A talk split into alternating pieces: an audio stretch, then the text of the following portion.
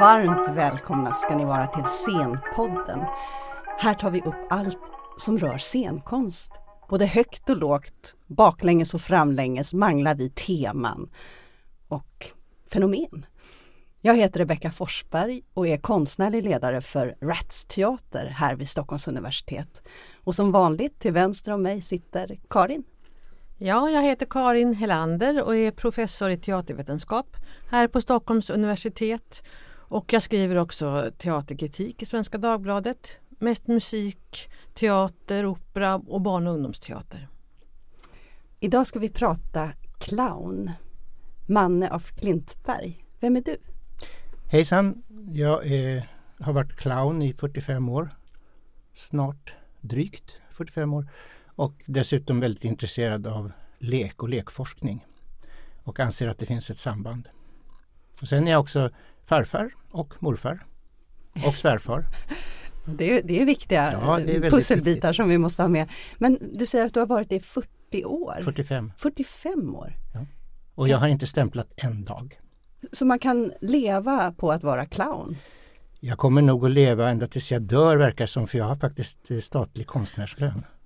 Vad Tills jag dör. Och vad betyder det? Att man får Det betyder att om jag inte tjänar några andra pengar så finns det en lönegaranti som ger mig pengar eh, tills jag dör. Men inte av dessa pengar då utan ändå. Det är ju fantastiskt. Ja. Då, då har vi en... Det har de tagit bort nu. Ja, Det kommer att dö, dö ut med mig. ja. Hur, hur eh, började du? Varför blev du clown? Ja, korta eller långa versionen. Den långa versionen i det här Okej. poddprogrammet. Man kan säga så här att eh, befinner man sig som nummer fyra i en syskonskara på fem så måste man vidta åtgärder för att överhuvudtaget synas och få lite uppmärksamhet ifrån de där kärleksfulla föräldrarna som är fullt upptagna med annat. Och eh, då märkte jag ju att om jag gjorde illa mig så fick jag väldigt mycket uppmärksamhet. Men det fanns en baksida det, var, det gjorde ont. Alltså jag, jag har haft hjärnskakningar. Jag hade väl en hjärnskakning om året mellan 6-7 års åldern och eh, 14 års åldern. Så småningom upptäckte jag att eh, istället för att göra illa mig så kunde jag larva mig och eh, låtsas ramla eller låtsas snubbla eller säga dråpliga saker. Då fick jag också uppmärksamhet men jag slapp straffet så att säga. Det gjorde inte så ont. Så där, från, från barns Från ben så barnsben. började clownen. Och jag kände ju igen mig när jag såg clowner. Vi såg ju varje år Cirkus Schumann i cirkusbyggnaden på Djurgården. Och ibland fick, när mamma eh, fick som hon ville så stack vi iväg och såg Zoo Cirkus eh, ute, ute vid, eh, vid Haga. Eh, och försök, eh, mamma tyckte väldigt mycket om cirkus, pappa var inte lika förtjust. Men, men clownerna där, det var och jag minns ju fortfarande både Charlie Rivel och eh, eh, dvärgen Kiki Moskowitz Mm. som jag sen har jobbat ihop med lite grann. Och det var ju sånt där, jag, det kändes att jag ville också vara där. Just det. Men hur, finns det någon skola för att bli clown? Ja, de som går på clownskolorna blir inte clowner utan de blir bättre teckningslärare eller skomakare eller vad det kan vara. Och de som blir clowner har nästan aldrig gått på någon clownskola. Det är mycket märkligt. I mitt eget fall så, så kan man säga så här att jag eh, jag halkade in på mimlinjen som på den tiden var en utbildning i mim, till mimpedagoger därför att min äldsta dotter kan inte höra. Hon är döv från födseln. Och eh, då var det en journalist som skrev om den nya mimutbildningen. Eh, eh Rebecca Tarsis. Och hon, hon är också en vän till familjen. Och hon träffade henne och sa du borde gå och titta på den där utbildningen, sa för det är någonting för dig. Så att jag gjorde det. Och eh, när jag gick därifrån så frågade jag lärarna, jaha, hur gör man för att komma in på den här utbildningen? Ah, tyvärr har vi inga bra lärare i mim och vi har, ser inte ut som vi kommer få några. Så vi har, och de som går hos Marceau i Paris just nu, de är inte ett dugg nöjda. Så vi kommer nog att bara låta de här grupperna gå ut och sen gör vi en utvärdering och sen var det tack för oss. Jaha, vad synd, sa jag. Och så gick det två dagar så fick jag ett brev på det tunnaste brevpapper jag någonsin har sett eh, ifrån rektorn som sa du är välkommen som provelev. Jag har inte sökt, men vadå? Jag skaffade mig ett par mjukisbrallor och gick dit. Och det var i Lucia 1970. Mm. Och i januari 71 så ingick jag i gruppen som hade gått ett och ett halvt år. Jag tycker det är så intressant att du börjar ändå med ditt, det här barnminnet och vem du var i syskonskaran. Jag undrar hur många komiker och clowner och gycklare och narrar som har det gemensamt. Eh, jag tänker på, jag var under ett år för ett antal år sedan tillsammans, jobbade tillsammans med Gösta Ekman, Mm. skådespelaren, Ja, på Gamla boken. Teaterhögskolan. Precis, det finns en bok kring det. Det är magisteråret som Mm. heter Den skrattretande teatern. Och han börjar också med att berätta om sin Mm. plats i syskonskaran. Det låter ganska likt det du talade om. Mm. Och vad jag minns från när vi intervjuade de som sökte till den här magisterutbildningen så den första frågan Gösta ställde var Har du syskon? Mm. Och i så fall är du stora syskon, småsyskon eller mellansyskon. Och Mm. jag tänkte varför ställer han den frågan? Och sen förstod ju jag hur relevant och intressant den verkligen var. Mm. Hur man brukar kunna, hur man som barn, barnsben kunna ta plats och ta utrymme i en familj och vad det har betytt för, för utvecklingen av den man vill bli och vara. Mm. Chaplin är ett jättebra exempel Ja. också hur han hela tiden befinner sig i skärningspunkten mellan sin dementa mamma eh, och sin halvbror Sidney. Eh, och hur han, han hela tiden tar sin plats bland sina syskon. Och tar ansvar för föräldrarnas mm, tillkortakommanden. Mm. Just det, och han sitter också med väl på teatrarna och tittar när hans mamma eh, upp framträder som Ja, kabarétsångerska. alltså både föräldrarna var ju musicalartister och eh, Chaplin var ju Charlie men framför allt så, så vart han, vart han ju fråntag, de, de blev fråntagna sin pojke. Han blev ju uppfostrad tillsammans med andra, Stan Laurel bland annat eh, och reste på turnéer med andra eh, arbetslösa artister för att samla in pengar till Orphan Kids, alltså föräldralösa barn. Och det var ju hans både skola och universitet. Mm. Och Little Titch eh, som var några år äldre, eh, liten gubbe som var expert på att spela berusad. Eh, och som i själva verket var nykterist. Eh, var den som skapade luffarclownen åt Chaplin kan man säga. För att Little Titch hade tänkt ta den figuren men sen dog han plötsligt. Han var bara 62. Och eh, Chaplin hamnade i Hollywood och rusar ut och när han får tillfälle att ställa sig framför en kamera och, och gör om sig till den här figuren som han och Little Titch hade snackats fram till. Som sen blev The Tramp och som sen blev Charlie Chaplin med hela världen. Och som är den första figuren kan man säga efter Jesus som hela världen kände till. Mm. Hur betydelsefull har Chaplin varit för dig? Ja, det är A och O. Jag upplever Chaplin som mitt universitet också. Framförallt eh, att han kombinerar slapstick, alltså det här med att eh, det smäller till och att man ramlar eller, eh, och eh, överdriven känslosamhet, alltså sentimentalitet. Och han, hamnade ju hos MacSennett i, i Hollywood som bara höll på med biljakter, eh, poliser som jagade brottslingar, eh, folk som jagade sina fruar och sina äkta män och folk jagade. De sprang, de cyklade, de åkte traktor, de åkte spårvagn, de åkte flygplan och jagade och jagade och jagade. Och efter ett tag så var Chaplin rätt trött på det där och bröt med Maxenet och fick betala väldigt mycket för ett brutet kontrakt. Men startade sin egen verksamhet där han blev rolig och sentimental, alltså känslomässig. Det var både, eller man kan säga att han, han summerade teaterhistoriens commedia dell'arte erfarenheter eh, i svartvitt på, på celluloid. Just det, han startade en, en egen film. Ja, produktion. med Fairbank, Douglas Fairbank och han och Fairbanks fru som jag tyvärr har glömt namnet på startade United Artists. Mm. Du nämnde Commedia dell'arte nu när du talade om Chaplin. Eh, och jag tänkte just det här med förebilder och inspirationskällor också historiskt. Det finns ju liksom ett fält eller ett universum av, av gycklare och narrar och clowner och ända från antik fars och medeltida kringresande gycklare via just Commedia dell'arte som du nämnde eh, som också var kringresande men yrkesskådespelare verkligen, ofta satiriska, improvisatoriska efter väldigt bestämda eh, scenarion, alltså handlingar. Eh, där man hade stående typer. Harlekin till exempel är en känd sån stående typ, ofta med masker. Och sen tänker jag de narrarna som sen kommer in till exempel i Shakespeares dramer både som en yrkesroll, hovnarren, men också där narren kan vara en slags metafor kan man säga. Där kungen, King Lear kan bli narr och narren kan bli kung. Och det är en slags ifrågasättande och kritiskt, eh, ja, kritiskt ifrågasättande och ganska skarpa och vassa repliker och så.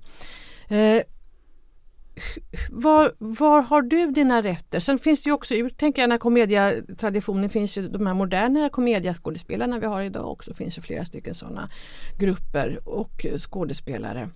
Var finns du i hela det här landskapet?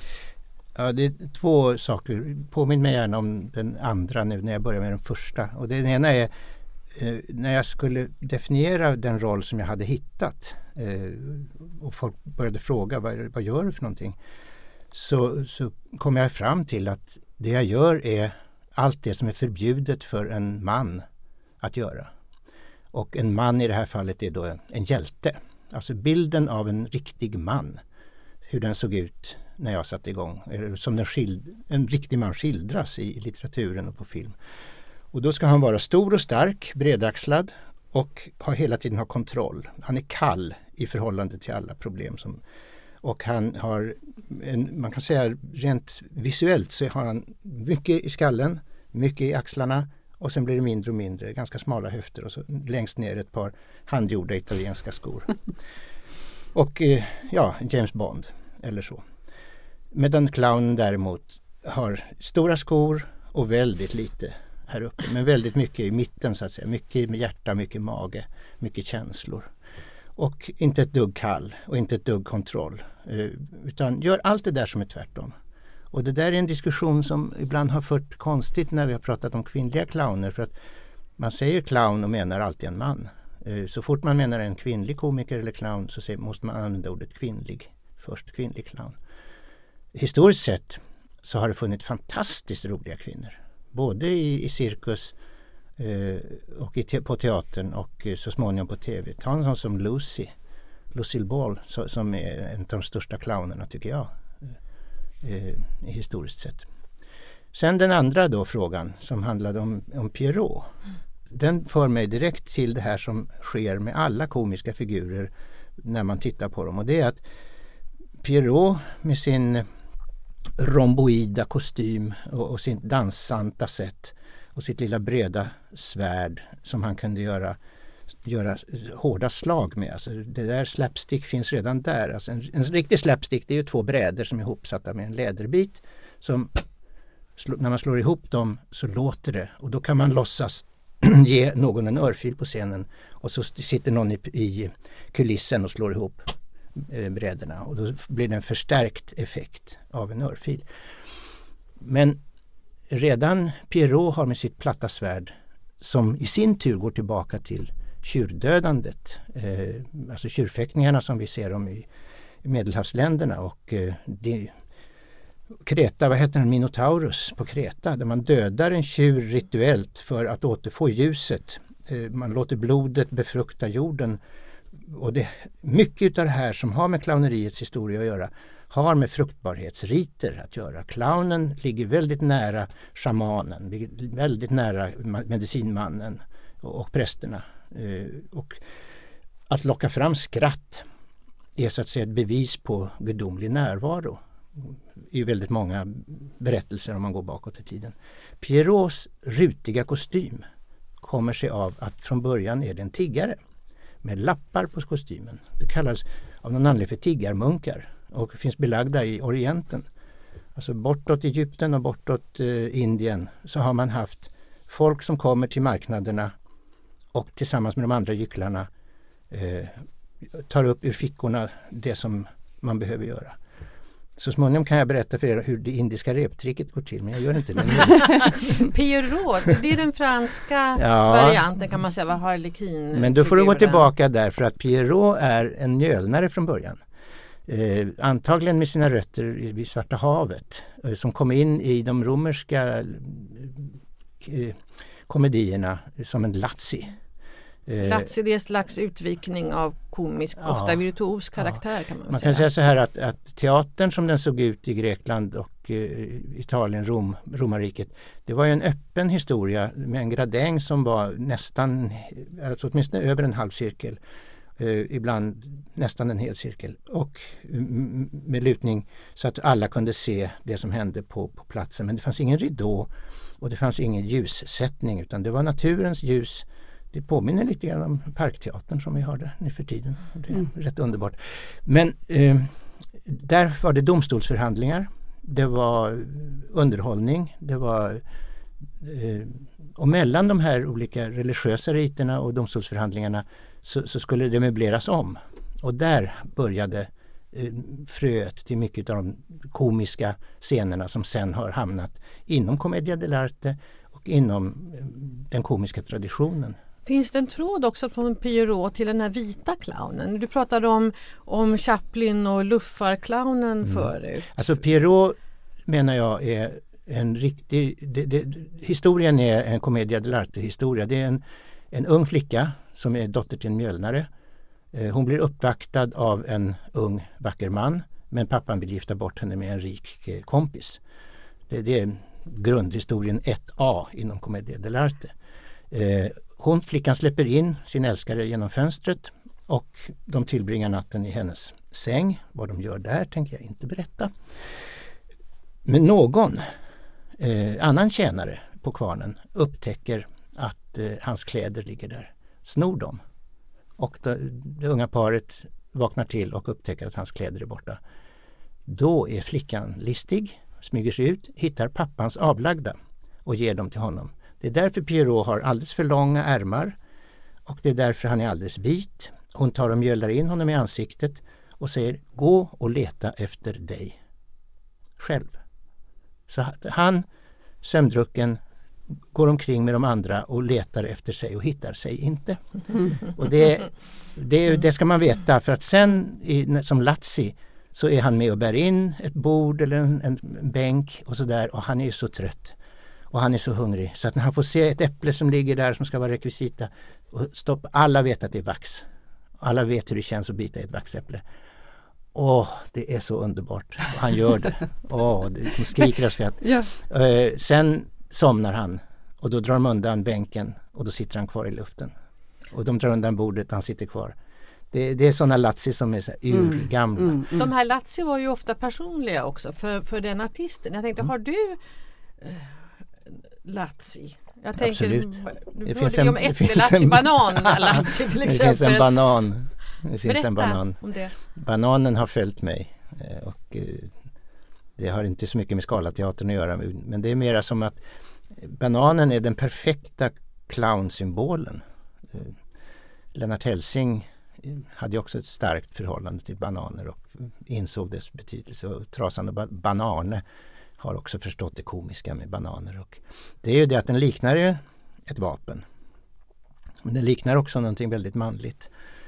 Men det är en väldigt icke-aggressiv symbol. Den är söt. Och sen så är den ju det här med att man kan halka in på ett bananskal. Den innehåller så att säga hela kontentan av mm, komisk kunskap. Mm. Men när, när det gäller sen, alltså jag går tillbaka till Pierrot han blir finare och finare och när han kommer som de Barry på Le Funambule i Paris på, i början på eh, 1800-talet då får han sidenkläder. Visserligen eh, är han fortfarande älskad men mer därför att han är rolig eh, och snäll eh, och, och, och vrider till politiska skeenden. Inte så mycket för att han är en trashank eh, eller fattig. Och han blir mindre och mindre rolig sen efter efter det. Han blir mer och mer en romantisk figur som, som eh, i, när man ser filmen eh, Paradisets barn, Les enfants de paradis som skildrar eh, de de, vad heter han, de, de Barry eller de Barreau? Jag vet inte. Nej, fransk, fransk småfranskt. Så eh, Jean-Louis Barrault gör ju den rollen på ett helt lysande sätt. Men det är inte väldigt, det är inte särskilt roligt alltså, utan man känner ju med honom att han är väldigt starkt engagerad. Det är så många olika clowntyper här. Ja. Jag tänker den, den vanligaste clownbilden som, som man har eller som människor har, jag har, är ju clownen med den röda näsan och Mm. med rödvita kläder och Mm. någon, någon glad mun som Mm. är målad. Då, då Vad- går vi till är- en annan eh, Var, fruktbarhets... var kommer den ifrån? Eh, vi går tillbaka till Dionysos eh, Eh, den dionysiska eh, fruktbarhetsritualen. Där stod, hade vinet en väldig betydelse och det under, underbara med den dionysiska traditionen det är ju att den är en, ett matriarkat. Den handlar om kvinnokraft väldigt mycket. Att man dyrkade kvinnans förmåga att skapa nytt liv med sin egen kropp. Och eh, man kopplade ihop den dionysiska festen med när man smakade på det nya vinet, det unga, nyfärdiggästa vinet, Ehm, så var det precis mitt i mörkaste vintern. Och då hade man en fest där kvinnorna fick ta vem de ville i säng utan att eh, den äkta mannen hade någonting att säga emot. Och det var säkert väldigt bra som mot inavel. Men då tog man och passade på att när, när vinet hade tappats om så doppade man fingrarna i det som var kvar eh, och färgade sinnesöppningarna. Om ni tittar på bilder på clownbilder från förr i världen så ska ni se att de har ofta en röd fläck vid näsroten för ögat. De har rött på näsan, de har rött på läpparna, de har röda öron. Och sen om de färgade andra delar av kroppen med bottensatsen, det vet jag inte. Men därifrån kommer det röda. Det vita kommer ju från mjölet.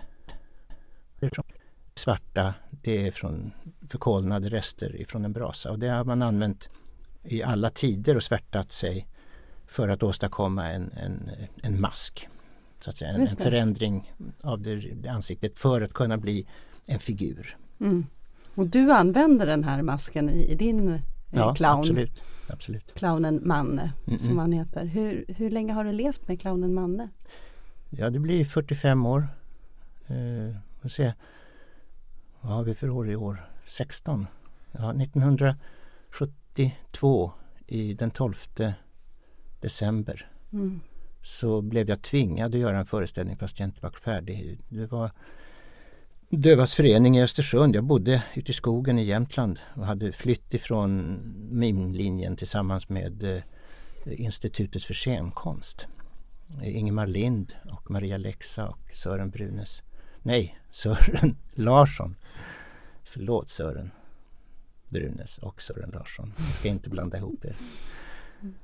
Han Eh, ville också vara med här tror jag. Ja, och båda Sören är genier var en på sitt sätt. Och, eh, men Sören Larsson kom ju från Grotowski och hade den erfarenheten. Ingemar Lind kom ifrån, ifrån Etienne Ducroux, eh, mimens okrönte kejsare i 1900-talets mimtradition. Så, som var den som tog isär mimens alla del, delar och sen satte ihop det igen.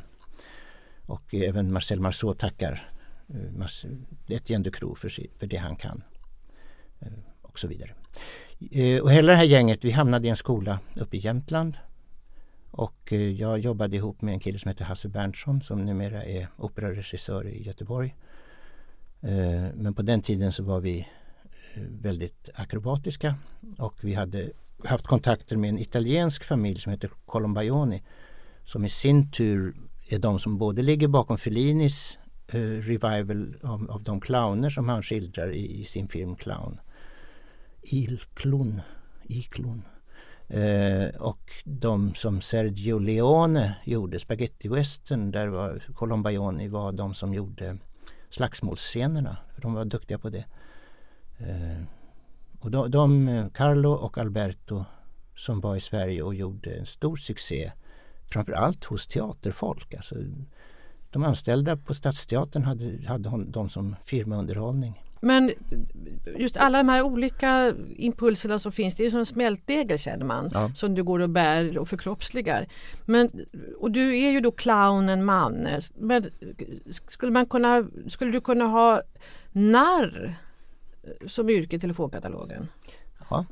Alltså, Är det samma om vi för dig? tittar på de här titlarna som finns, alltså pajas är väldigt gammalt och det går ju tillbaka på det senlatinets eh, paja som betyder halm. Och det går tillbaka då på att eh, de här som gjorde Lazzi skaffade sig kostymer genom att tömma en halmmadrass och ta madrassvaret till kostym. Då klippte man hål i hörnen och då fick man ut händer och fötter och sen det där hålet där man hade stoppat in och tagit ut halmen som man snör åt, det hade man runt halsen så att det blev en, en väckning här. Och då hade man en, ja vi skulle kalla det för en pyjamas clown mm. idag. Så det fin, återfinns i, väldigt mycket i den fria kyrkan i USA, pyjamas clowns. Uh, där de delar ut gratis kramar. där, har, där har de gift ihop sig, clownerna och kyrkan. Men i alla fall, de, de, den pajasen uh, är samma pajas som clownen som går tillbaka på det gamla skällsordet för bondtölp som också är sent latin och som heter kolon och som på engelska då blir clown. Uh, på svenska har vi jöns eller pellejöns. På finska heter jag Pelle fortfarande.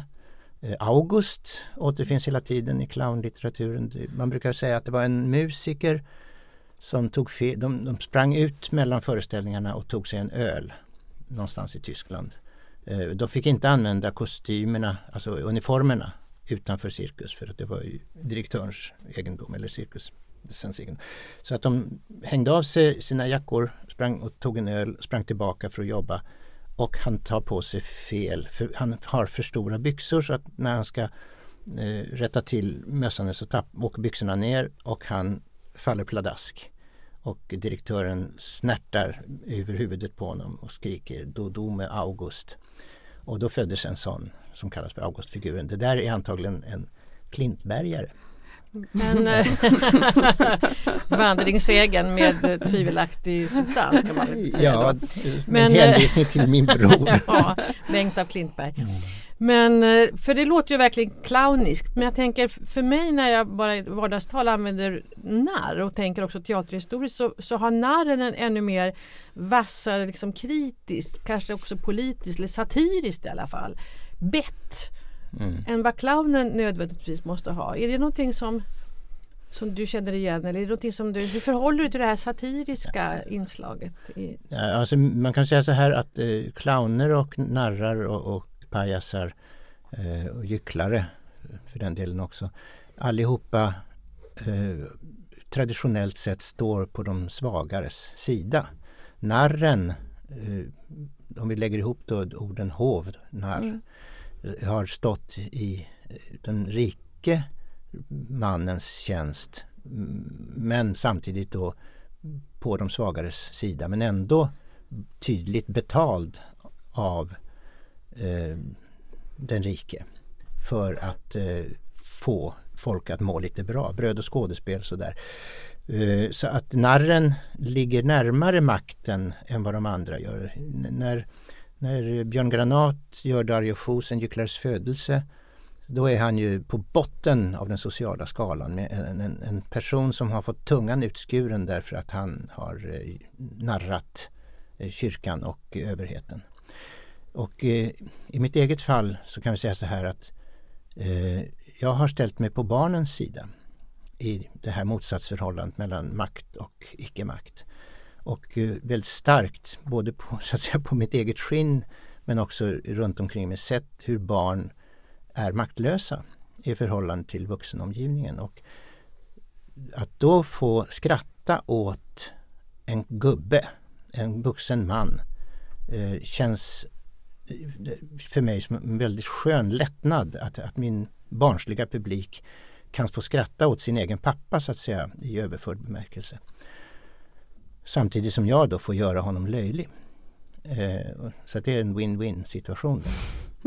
Men det, det är den, eh, alltså rent politiskt så är det klart att det finns väl egentligen inga, inga komiker och narrar och egentligen inga kulturarbetare som, som inte står lite grann till vänster i samhällsdebatten. Det är svårt att förhålla sig till samhällets mönster utan att så att säga vara empatisk och eh, känna in hur de som har lite jävligare. Jag kan, jag kan hänga med där ja. i, att, man, att man skrattar åt eh, pappan mm. eh, eller den vuxna mannen och så. Men annars tänker jag klassens clown till exempel uttrycket. Det, det känns ju negativt laddat att man skrattar åt någon, åt någon som inte klarar av. Finns det något drag av mobbing i det här? Ja, jag känner ju inte igen känslomässigt att klassens clown skulle vara en som blir mobbad utan klassens clown är en som klarar sig genom att uh, ta skratt, få skrattarna på sin sida. Han skulle, om han inte var rolig, blivit mobbad. Men nu klarar han sig genom att vara rolig. Det är hans utväg, Ja. eller hennes. Ja. Jag tänker också att eh, när du talar om, om, eller när ni talar om det här med, med clownens, de här maktaspekterna och, och clowneri och barn och vuxna och så, så tänker jag där ligger också någonting i det här karnevaliska där man, Mm. där man vänder upp och ner på hierarkierna där den som var överst i hierarkin igår plötsligt befinner sig nederst och, och Ja. tvärsom vice versa. Mm. Och då tänker jag, all scenkonst är ju någon form av lek och bygger på lekens överenskommelser även om det då har en publik till skillnad från lek som inte är scenkonst. Men är, är, att vara clown, är man ännu närmare barnets lek då? Men först innan vi går vidare, kan vi inte bara säga något kort om det karnevaliska Manne? Mm. Vill du? Ska jag? Okej. Det, det handlar ju om att eh, man firade när äntligen eh, fastan var över eh, så firade man genom att klä ut sig och festa utav hejskotta. Och inte bara kött utan också vissa drycker. så- Som, och det påminner ju om den dionysiska vinterfesten. Även om den här då låg i samband med, med påsken. Och vi har ju kvar det fortfarande i, i Brasilien där, där man dansar och festar och eh, det finns ju väldigt mycket roligt eh, historiskt sett i det karnevaliska. Och, och när det gäller, det gäller barnens lek så, så är det ju så att jag brukar säga att mina föreställningar bygger på lekens grammatik. Det är så att lek är, är så mycket så det stockar sig i munnen på mig. Alltså Birgitta Knutsdotter Olofsson är en, en före detta professor på Lärarhögskolan här i Stockholm som har skrivit om lek och lekens betydelse.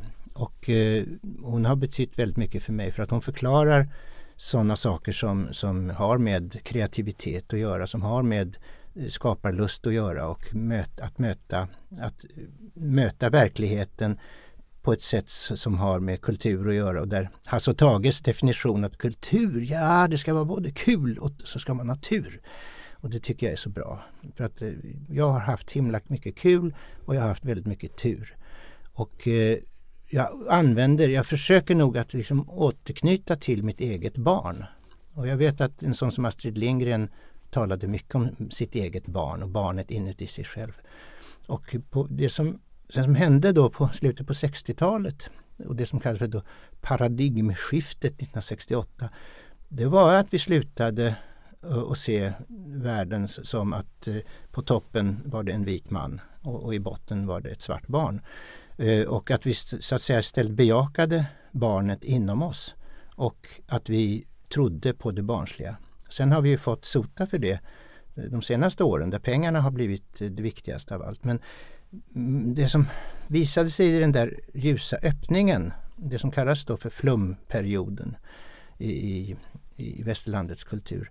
Det var någonting som, där, där lösningen kanske på framtiden finns därför att kombinationen lek och eh, kreativitet är det som skapar empati. Utvecklad lek, rolllek, låtsaslek är en förutsättning för att vi ska bli empatiska vuxna.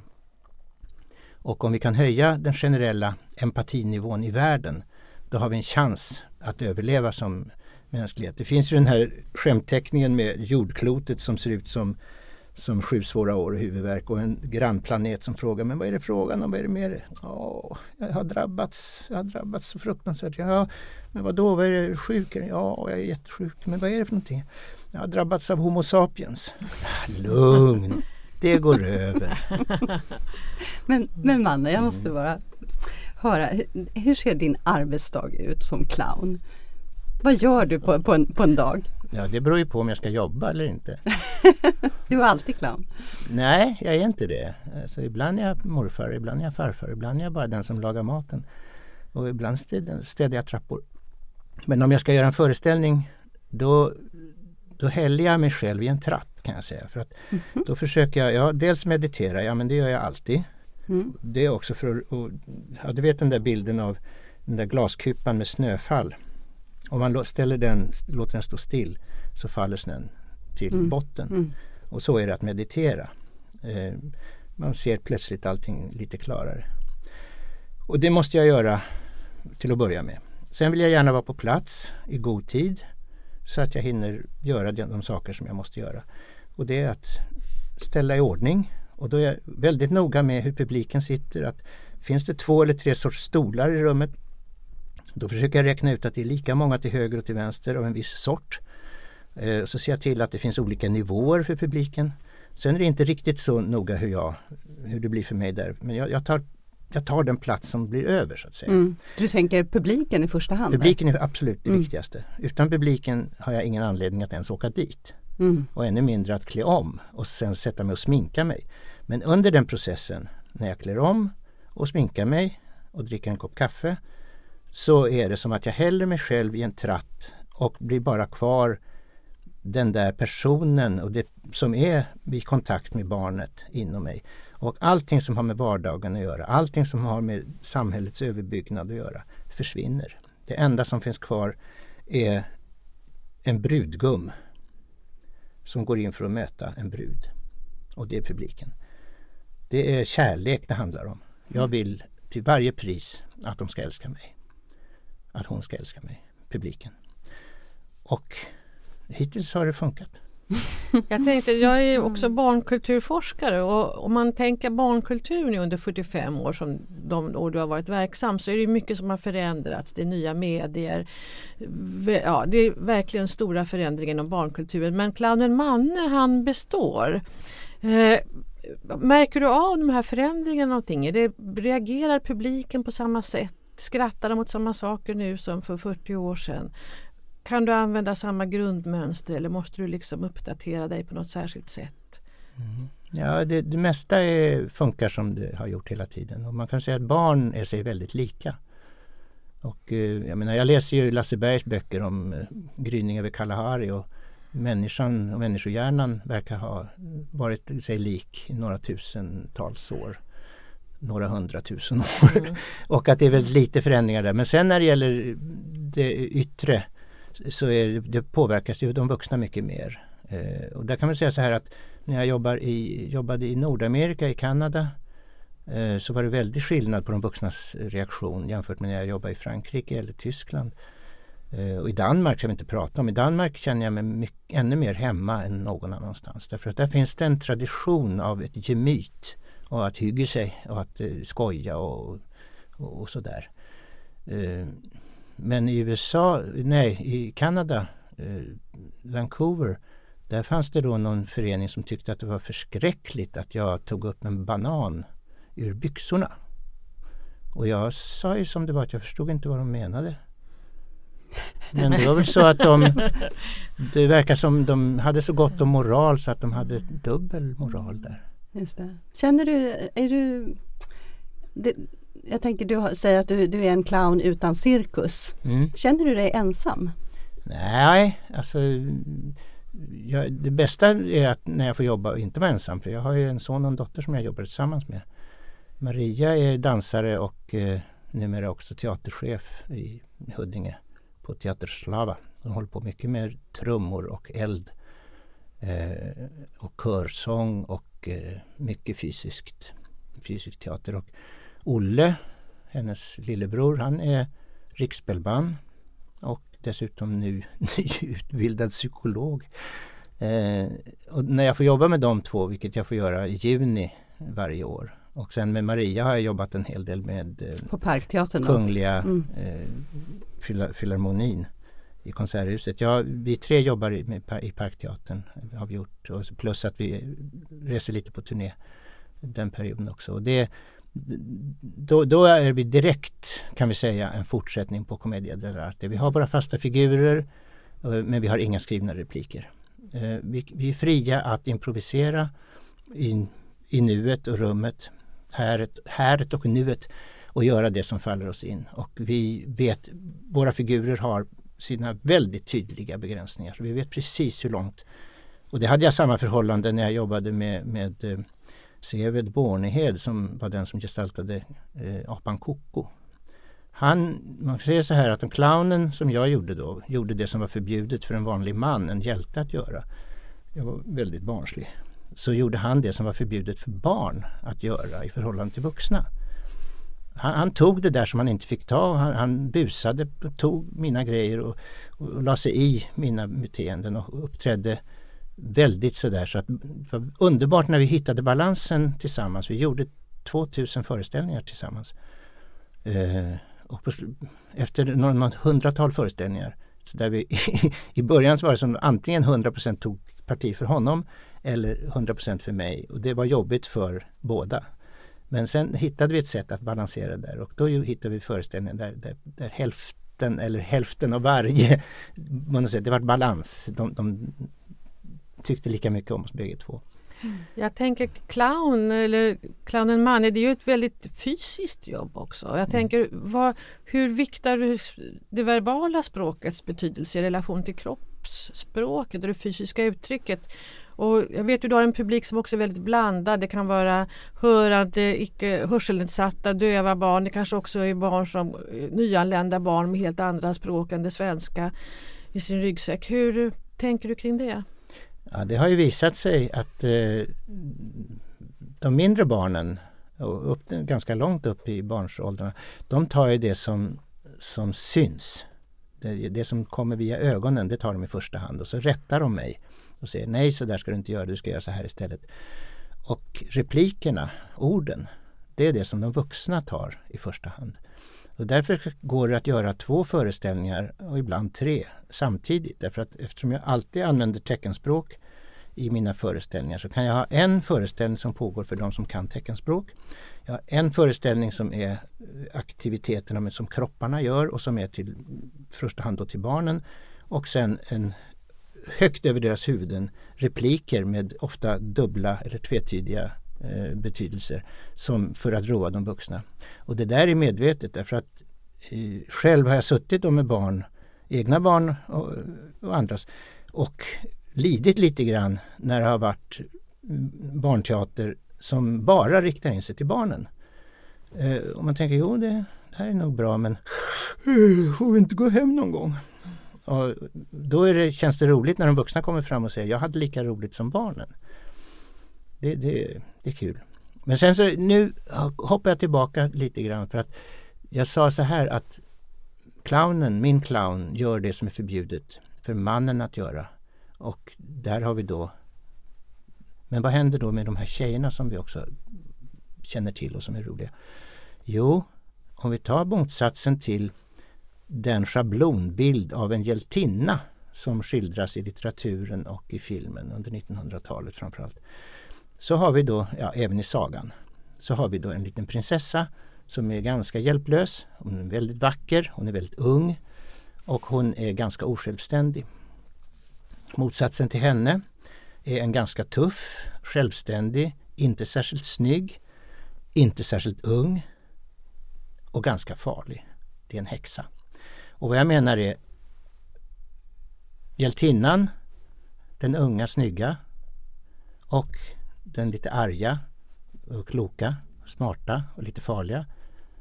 Båda två behövs för att skapa så att säga en hel kvinna.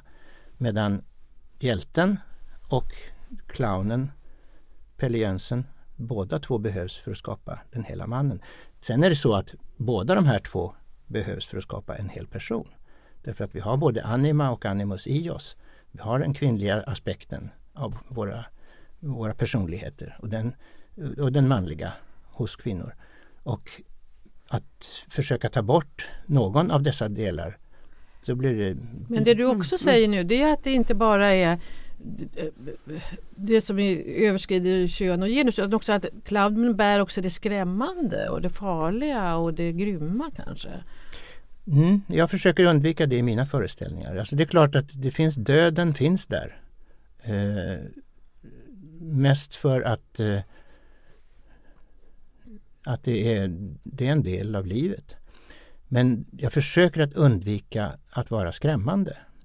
Det har jag faktiskt ingen som helst lust att vara. Lite, lite rädd kan det vara skönt att bli om man fort som tusan blir tröstad eller kommer tillbaka Men- på spåret igen. Ja. Men den gråtande clownen, vem är det? Mm.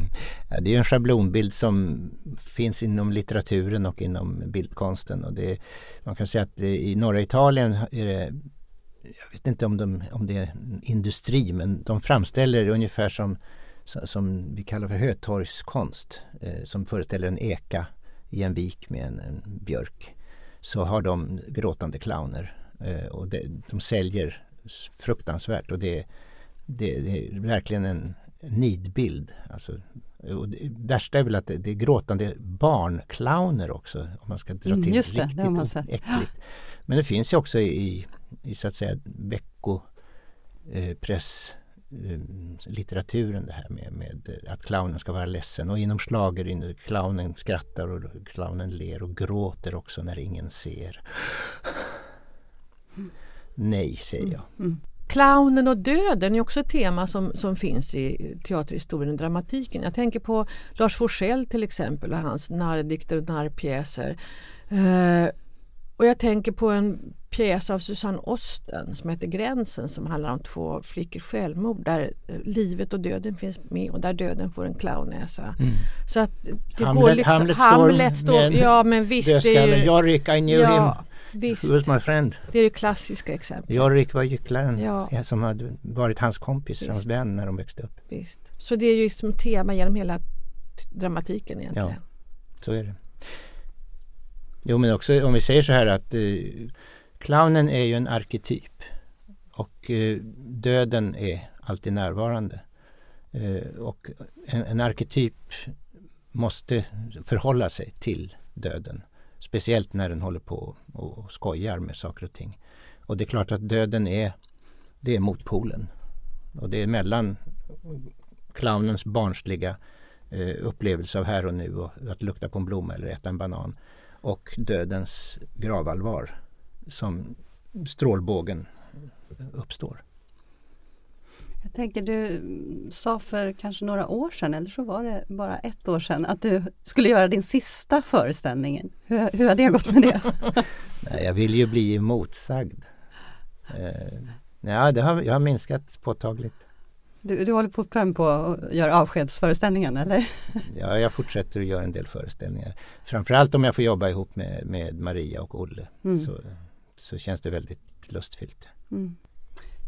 Eh, vi bockar och bugar för att du ville komma hit till oss, Manne af Klintberg och eh, vi hoppas att vi får möta dig många somrar framöver i Parkteatern. Tack! Vi tackar för att du ville lyssna på Scenpodden och vi är tillbaka jag och Karin Helander eh, vid nästa avsnitt och du kan gå in och lyssna på tidigare avsnitt på ratsteater.se.